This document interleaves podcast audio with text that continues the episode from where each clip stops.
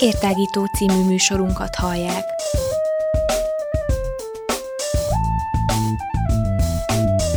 A Rádióér online hosszán tágítjuk a tudás erejét. Elmondjuk, mit gondolunk. Hadd folyjon!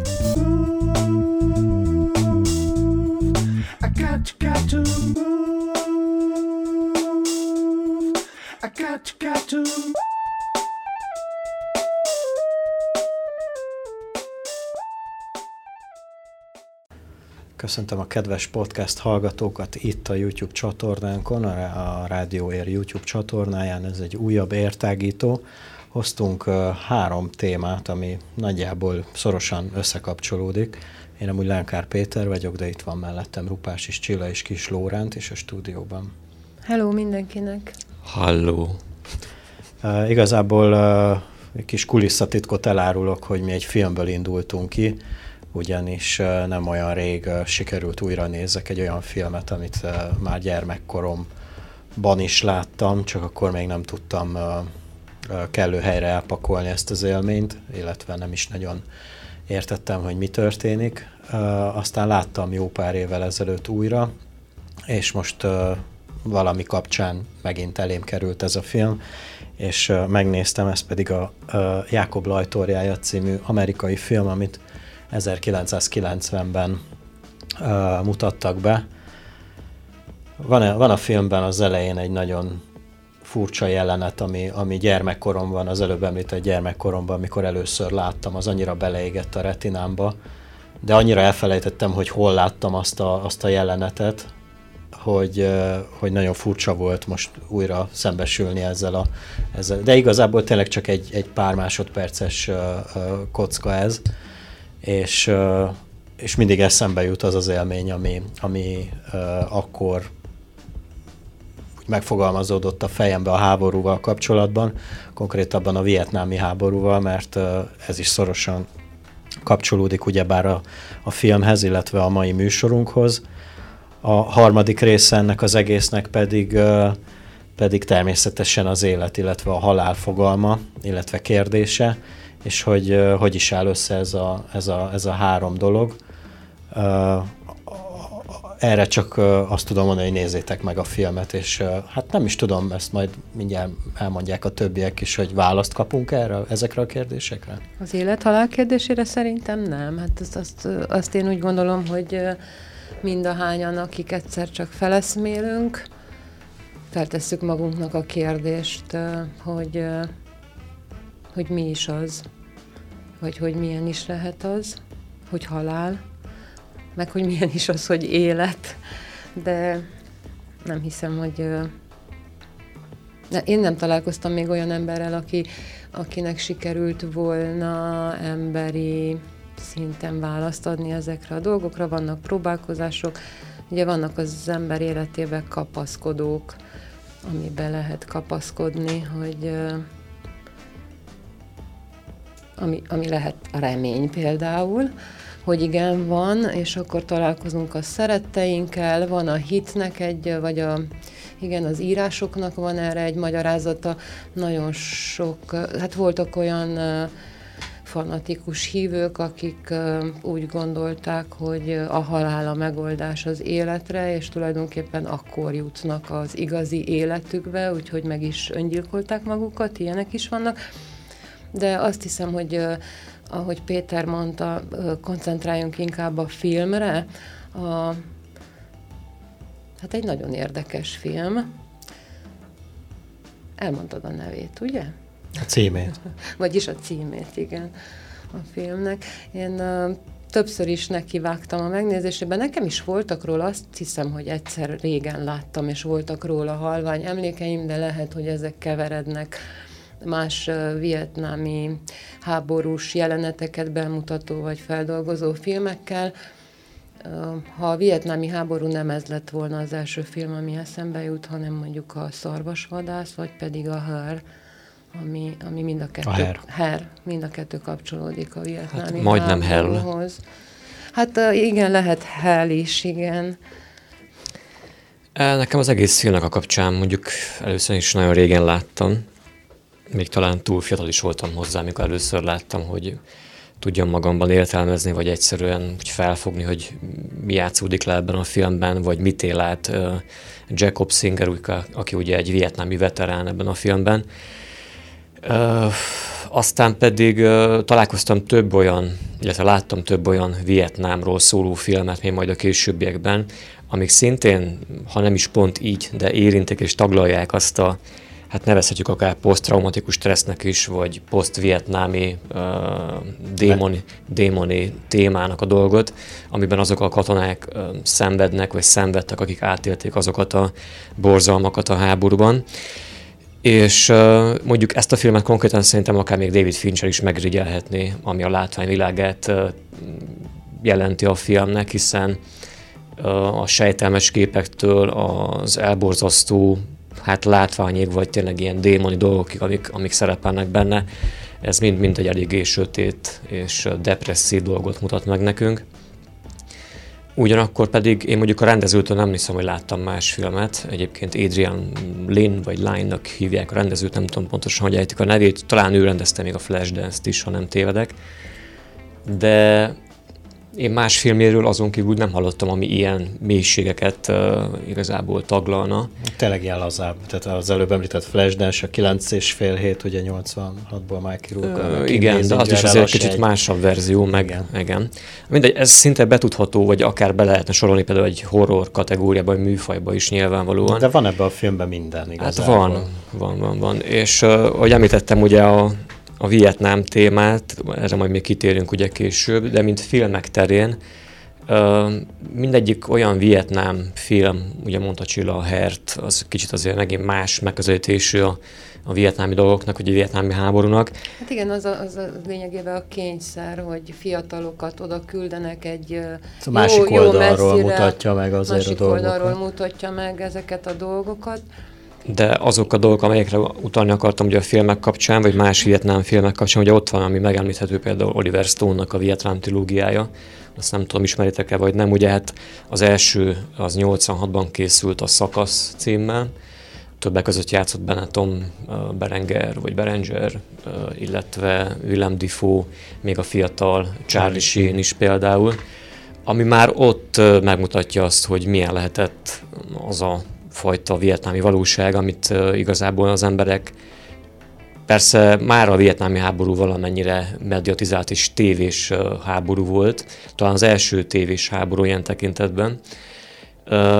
Tehát már ott megismertük ezt a, ezt a bűzös részét Vietnámnak, aztán jött ugye a második rész, talán 90-ben készült, lehet, hogy tévedek 90-es évekkel le mindenféleképpen az a született július 4-én ugye Tom Cruise-zal, amikor egy vietnámi veteránt látunk a filmben, ugye Tom Cruise szerepében, aki... Az rock, már a háború utáni. Az már a háború utáni, tehát nyilván háború utáni, tehát hogy azon a veteránról van szó. Ja, csak hogy a szakasz az konkrétan igen, a, igen, az konkrétan az események, az középpontjában játszódik.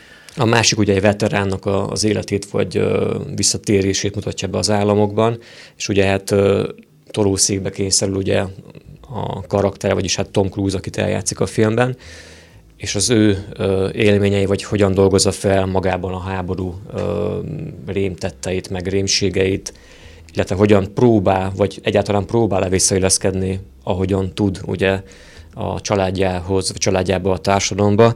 És a harmadik az pedig, amit én nem láttam egyébként, megmondom őszintén, az a címe, hogy Heaven and Earth, vagyis hát magyarra fordítanánk, akkor azt jelenti, hogy mennyi és föld lényegében, ami viszont nagyjából arról szól, hogy ha jól tudom persze, hogy egy vietnámi nőnek a hát viszontagságai, vagy valami hasonló, és akkor majd még kitérhettünk ugye Vietnám kapcsán ezekre a témákra, hogy miért is szól vajon ez az Oliver Stone film arról.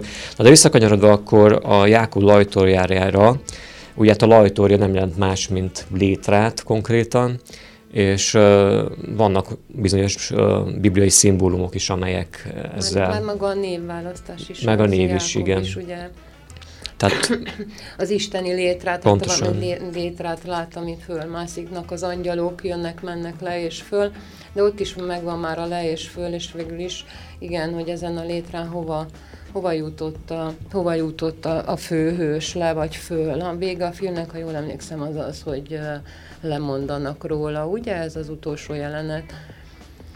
Hát picit összetettebb a dolog, mint hát ahogy az egész film, mert uh, ugyebár elkezdjük nézni a filmet, elkezdődik a film, és nem nagyon tudjuk, hogy most akkor mi is történik, mert egy elég hát végül is jól rendezi meg a rendező a filmet, de nem ad egyértelmű választ az utolsó pillanatig, hogy itt, hogy itt mi is történik valójában, mert ugye azt látjuk, hogy a főszereplőnk éli a kis életét, ugye hát a háború utáni életét, a párjával él egy albérletbe, vagy igazából erről nem, erre, erre nem térünk ki, vagy nem tér ki a film, és közben ugye látunk olyan jeleneteket, hogy ő egy, a családjával él, a feleségével, illetve három gyerekével, akiről közben kiderül, hogy amúgy elvesztette őket, de aztán, és már nem tudjuk, hogy melyik az álom és melyik a valóság, és ugyanebbe a cipőbe jár ugye bár a főszereplőnk is aki egy idő után beteg lesz, illetve elég furcsa dolgok történnek vele. Hát igen, nagyon furcsa dolgok történnek vele. Szerintem itt a,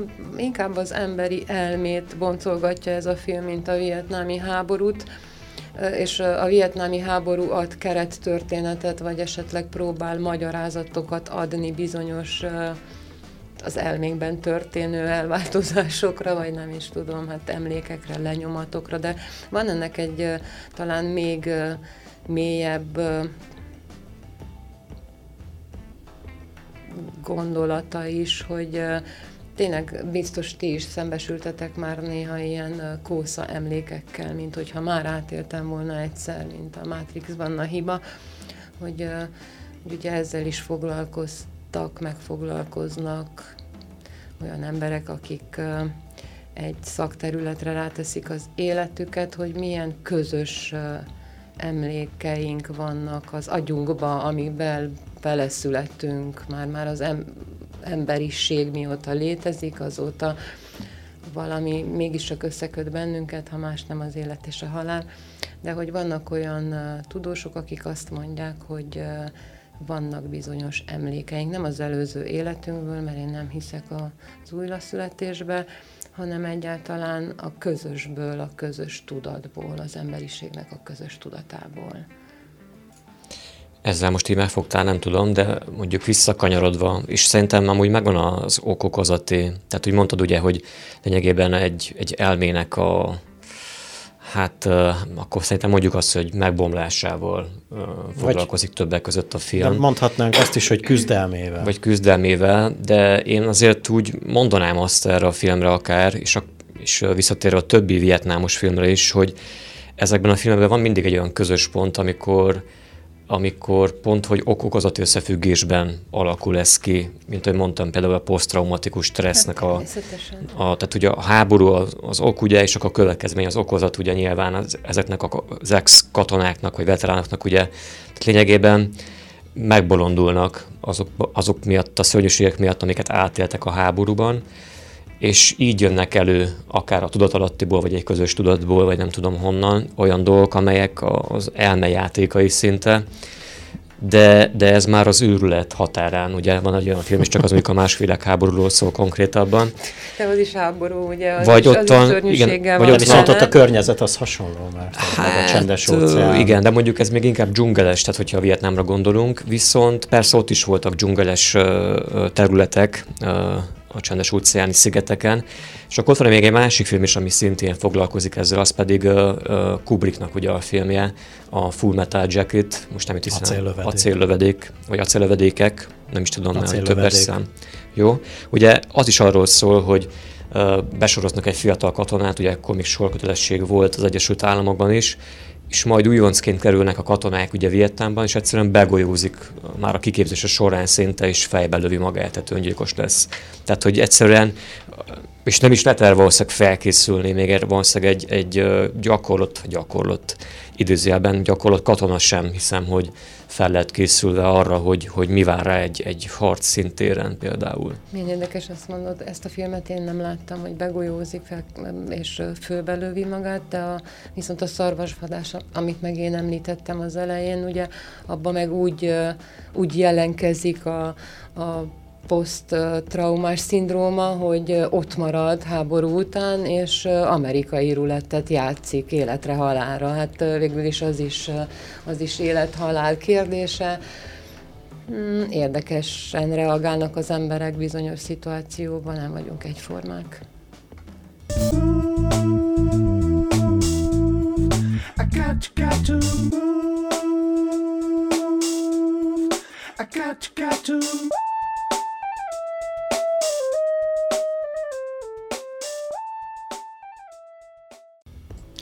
Hát akkor folytassuk a filmnek az ismertetésével dióhéjban azért, hogy persze a point ne, ne lőjük le itt a, a podcast alatt, és mindenkit arra buzdítunk, hogy nézze meg ezt a filmet, hogyha nem, nem sikerült eddig megnézni. Amúgy az a, az a tipikus film, ami, ami nem annyira ismert, de azért, azért ha megnézed, akkor úgy üt egyet, tehát úgy megmarad a, a tudatodba, illetve meghatározza azért a vietnámiról alkotott képedet.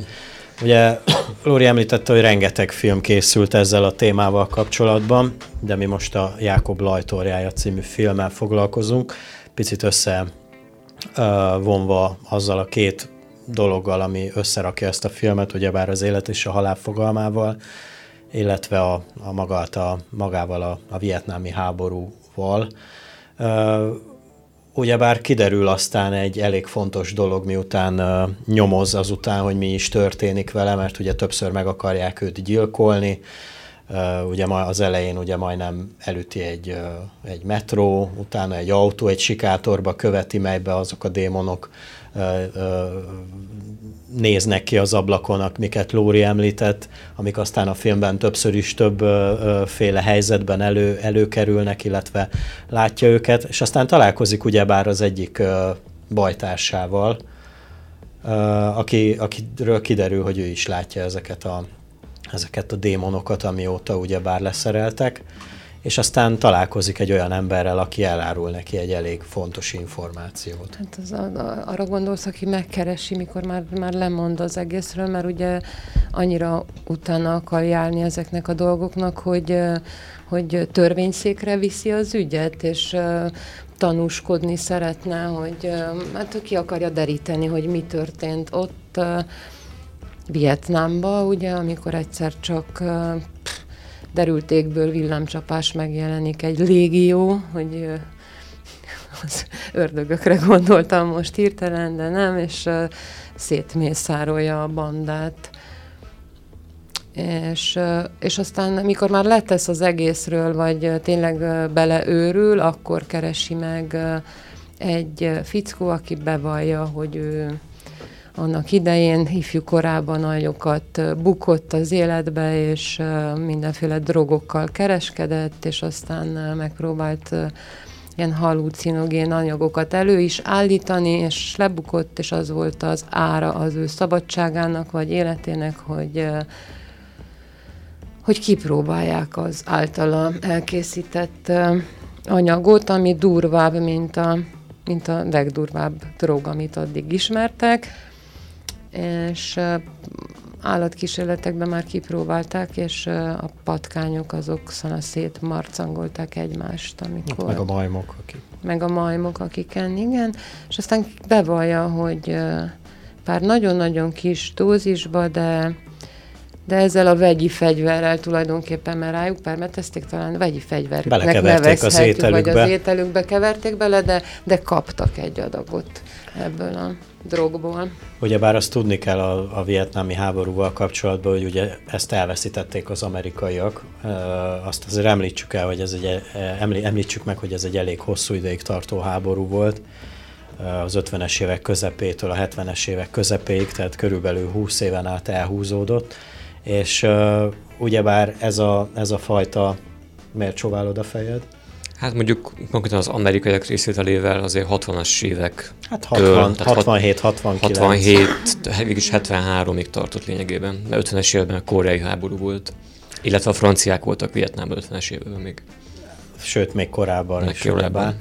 És ugye, amit mesél Csilla, ez a, ez a vegyi fegyver is, ez a drog is arra arra kellett az Egyesült Államoknak, hogy demonstrálják, ugyebár Lóri meg azt említette, hogy tévés háború volt, és hogy így demonstrálják ugyebár az Egyesült Államok erejét, hogy végül is hát őrülteket csinálnak a katonákból, akik majd lemészárolják kegyetlenül az ellenséget, csak hogy ez egy picit másképp sült el. Hát igen, mert egymást mészárolták le. Szóval ugyanaz történt, mint az állatkísérletekben is, hogy nem kívülre, más fajra ment ez az agresszió, hanem vagy az ellenségre, hanem egész egyszerűen mindenkit ellenségnek tekintett, akivel eszembe jött, és egymást kaszabolták le. Ez volt a legborzasztóbb.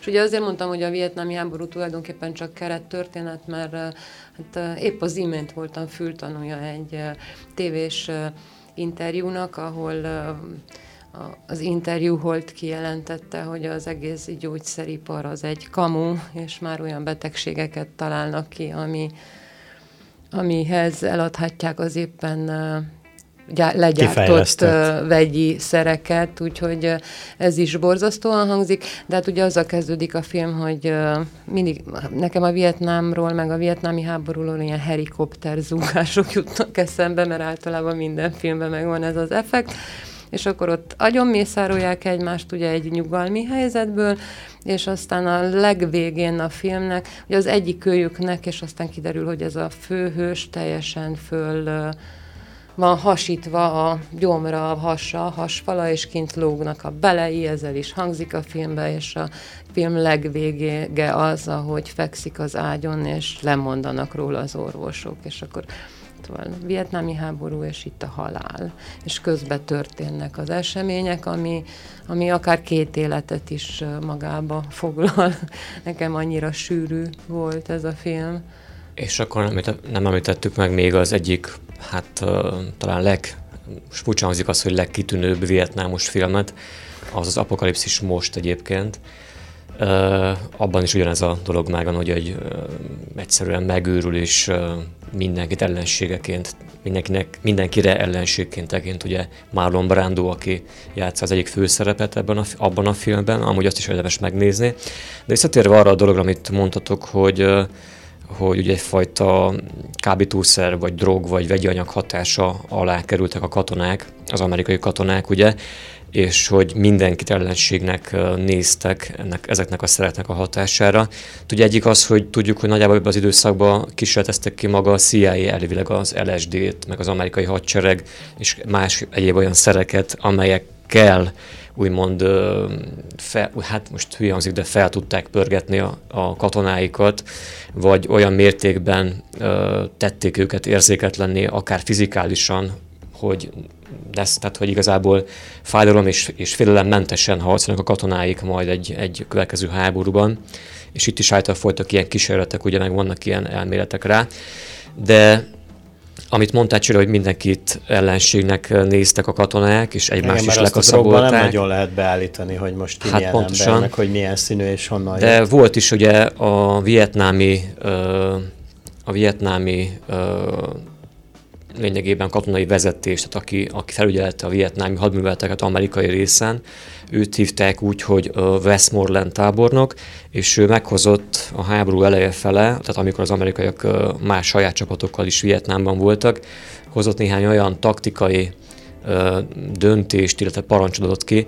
Többek között volt egy olyan, hogy Free Fire Zone, ez azt jelenti, hogy, hogy lényegében szabad tűzkörzet, amikor is a saját, tehát az amerikai katonák, hogyha mentek járőrözni, vagy bevetésen voltak, akkor bárkit lelőhettek. Ezt nevezik statáriumnak. Én, én, én, Nem, ezt szabad tűzközetnek nevezték amerikai okay, térről, okay. Westmoreland tábornok háborús döntés alapján. pedig statáriumnak nevezik, amikor azonnal ítélőbíróságok bárkit lelőhetnek bármilyen koholt címen. Itt úgy nevezik, hogy Free Fire Zone. Értettem, olyan, mint a menedékvárosok a Bibliában. Csak ott az megint más, pont az ellenkezőjéről szólt, ugye? Hogy... Hát itt lényegében ez arról szólt, ez a Free Fire Zone, vagyis szabad tűzkörzet, hogy az amerikai katonaság számára minden személy ellenségesnek minősült, beleértve a civil lakosságot is, ahol olyan körzetbe értek be az amerikai csapatok. És akkor igen, jöhetett az, hogy mondjuk, hogyha éppen a szerhatás alatt voltak, vagy valamilyen szerhatás alatt voltak, akkor lehet, hogy még egymást is kinyírták, ugye? Nem nagyon nézték, hogy ki jön szembe.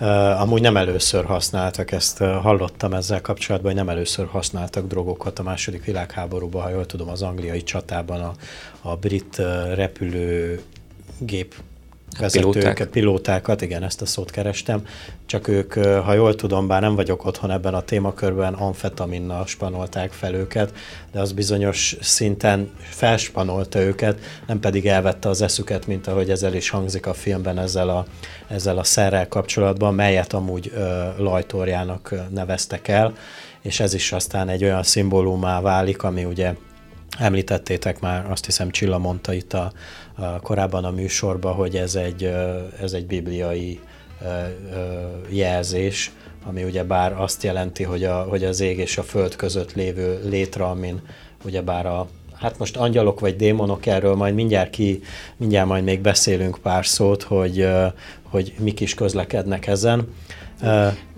Igen? Nagyon messzire visz ez a téma, ugye angyalok és démonok, hát a, a poklot mikor is azt hiszem Dante találta ki a 6. században. A Bibliában van szó Seolról, de tulajdonképpen az a, az a pokol képzet, ami hát a mai világban él, vagy nem tudom, hát a képzeletünkben ez Dante-nak a műve volt, és ugye hát meg ott vetődnek föl tulajdonképpen Vagy legalábbis ez jutott el hozzá. Hogy az hát, ő műve? Nem, én annak, idején ezt hiteles forrásból merítettem, hogy, hogy az ő kitalációja, de azt hiszem ez majd a műsornak az utolsó része lesz, amikor életről, halálról fogunk beszélni, hogy, hogy, hogy ugye a kereszténységben van olyan, hogy hisznek a túlvilágba, aztán van, vannak olyan vallások, ahol az reinkarnációba hisznek, az örökös életbe, de ott is bizonyos erények, vagy bizonyos szent élet árán ki tudsz jutni ebből az örök körforgásból, és akkor egyesülsz a nagy semmivel, vagy az egyetlen egyel, attól függ, hogy minek nevezed. Na, hol tartottunk a filmnél? hogy folytassam. Szóval igen, hát bibliai. Vannak olyan zsidó, a, a zsidóságnak egy része például nem hisz abba, hogy hogy van másik világ, ők azt vallják, hogy ez az egy életünk van, és akkor porból vétettünk, és porrá leszünk, és nincs semmi más. És akkor, hogyha ezen a vonalon mennénk tovább, akkor újabb filmek jutnak eszembe. A léleknek a, a súlyáról is van egy film, 0, 21 gram. 21 gram, igen. Például, úgyhogy érdekes témák ezek. Itt egy kritikát olvasok éppen a Jákob lajtorjájáról, hogy ne menjünk ennyire messze a filmtől. Azt írják itt, hogy egy mester ilyen felépített, elgondolt dolgottató film a haldoklás és a halál elfogadásának folyamatáról, és ugye az a cikknek a címe, hogy ha elfogadod, akkor angyalok mászkálnak a létrán, ha pedig nem, akkor jönnek a démonok. I got, got to move. I got, got to move.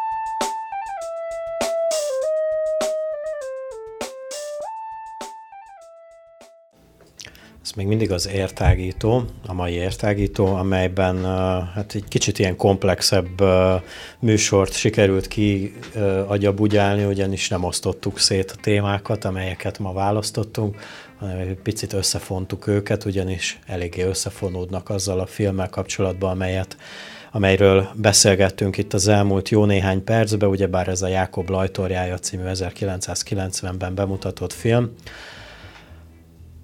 Ugye Csilla azzal fejezte be, hogy, hogy, ez, hogy ez eléggé fontos, hogy, hogyha elfogadod a halált, akkor, akkor azok a démonok akár angyalokká is válhatnak, és tulajdonképpen ez, ez történik meg a filmbe is, mert te ugye bár azt mondtad nem olyan rég, hogy lemondanak róla, viszont ő is lemond arról a e, arról a, mármint a főszereplőről beszélek a filmünkben, ő is lemond arról a küzdelemről, amit ugyebár a, a két órás filmben látunk, amivel fogal körömmel szeretne az életéhez ragaszkodni, és ezért váltakoznak a különböző szituációk az ő fejében, illetve előttünk is a, a, a képernyőn, tehát nem tudja ő se eldönteni, hogy most még életét válassza a, a vietnámi háború után kialakult életében, ami ugyebár tulajdonképpen, mint kiderül, az ő fejében zajlik, az ő ö, haldoklásában, vagy hogy mondják ennek, van erre valami Haláltusa? Ha, hal, haláltusájában, ami, ami ugye ott zajlik, ahol történt vele Uh, ugyebár az a hasba szúrás, amiről, amiről uh, uh, említést tettünk az elmúlt pár percben, és miután ezeket elengedi, utána történik meg a, az ő felszabadulása, mely, melynek következtében meghal. Ugyebár a Akkor csak lelőtted a poént. Csak lelőttem a poént, bár inkább leszúrtam, mint lelőttem. Hát meghal és találkozik a családjával, ha jól emlékszem. Ugye ez is benne van a végében. Akkor újra ta- ta- találkozik a kisfiával, meg a feleségével. Hát, ha jól emlékszem, az még előtte, tehát hát még, a, még a haláltus a, a küzdelem vége fele van, mikor találkozik a fiával, és aztán mikor őt elenged, illetve felsegít ugyebár egy lépcsőn, akkor, akkor történik meg ez a megváltás, illetve azt a én is olvastam kritikákat, mint amiből az előbb említettél, nem tudom, hogy ugyanazt-e, de hogy, hogy ez az egész küzdelem, illetve az egész mennypokol párhuzam az igazából fejben dől el, mert tulajdonképpen ez lehet, vagy történhet egy helyen mindegyik, csak hozzáállás, illetve nézőpont kérdése az egész. Igen, és akkor a mai nap folyamán a másodjára jön a gondolat, hogy menthetetlenül duális világba élünk, mert a jó nélkül nincsen rossz, a rossz nélkül nincsen jó, az élet nélkül nincsen halál, a halál nélkül nincsen élet, és így folytathatnám. Egy idő után mindenkibe tudatosul az, hogy abban a pillanatban, ahogy megszülettünk, elkezdődik a halál tusánk, vagy legalábbis a, a, a halállal való szembesülésünk, vagy megküzdésünk, és ezt nevezhetjük akár életünknek is, mert... Sőt, így is hívjuk. Így is hívjuk, igen. így is hívjuk. Érdekes, hogy Péter elkezdett beszélni, akkor eszembe jutott, ugye a megbékélésről is volt szó, hogy megbékélsz a halál gondolatával, és aztán már könnyűvé válik minden.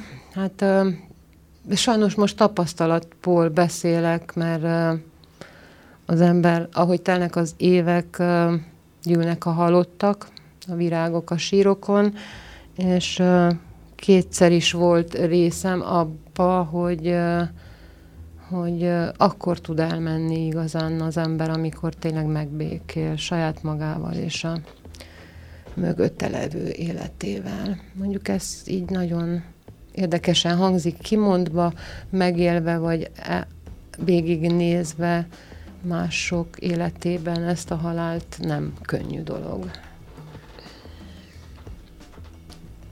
Van amúgy egy olyan gondolatmenet is, hogy visszatérve, visszakanyarodva arra, arra az eszmefuttatásra, amiben az előbb belekezdtem, hogy, hogy, hogy, a, hogy a mennyország és a pokol az ugyanott van, közepén van egy nagy üst, amiben fő egy étel, tele finomságokkal, és a pokol felébe mindenkinek, aki oda kerül, a keze végén van egy nagy merőkanál, és mindig próbál, próbál lenni abból az üstből, de mivel nem tudja, tehát mivel kanál van a kezé végén, nem tudja a szájába tenni. A másik oldalán pedig, ahol a mennyország van, ott pedig egymásnak adják a szájába az ételt az emberek. Tehát körülbelül ez a, valaki így, így vezette le ezt a, ezt a ezt a különbséget a két szituáció között? Hát nem tudom, nekem ez a téma nagyon ilyen, mm, nem is tudom, hogy hogyan fogalmazzam meg, vagy milyen jelzőt illessek rá. Talán annyi, annyi ami, hogy hogyan képzeljük el, vagy hogy mi van előtte, utána, hogyha most a az egész életfolyamatod egy haláltusa, ez mondjuk szerintem egy abszolút elcsúszott elgondolás egyébként. Nem tudok vele egyetérteni, vagy nem tudom, nem is kell vele valószínűleg egyetérteni. velem.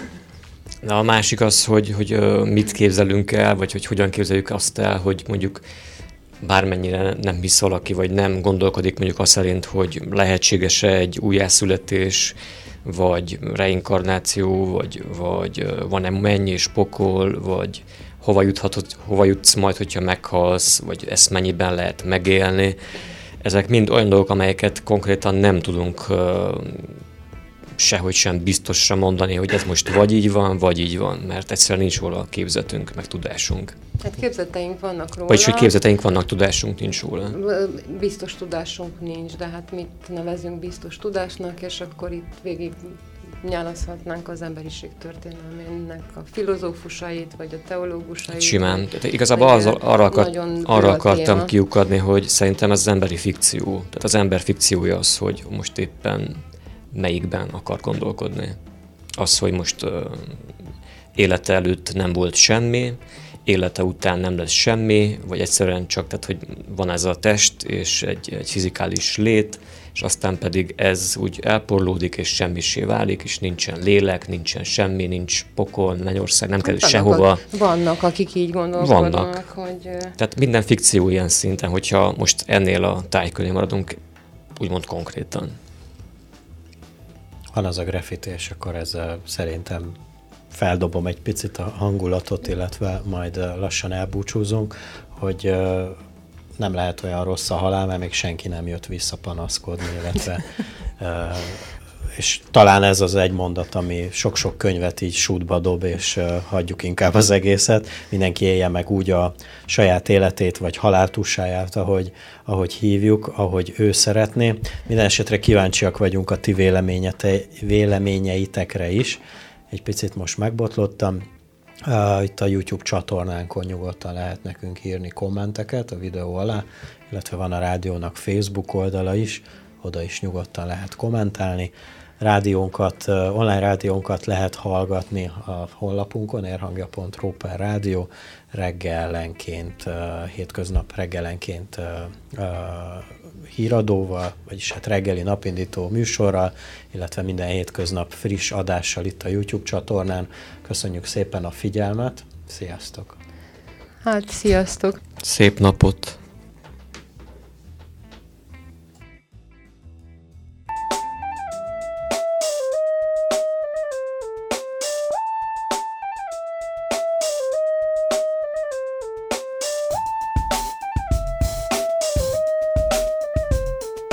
Értágító című műsorunkat hallják.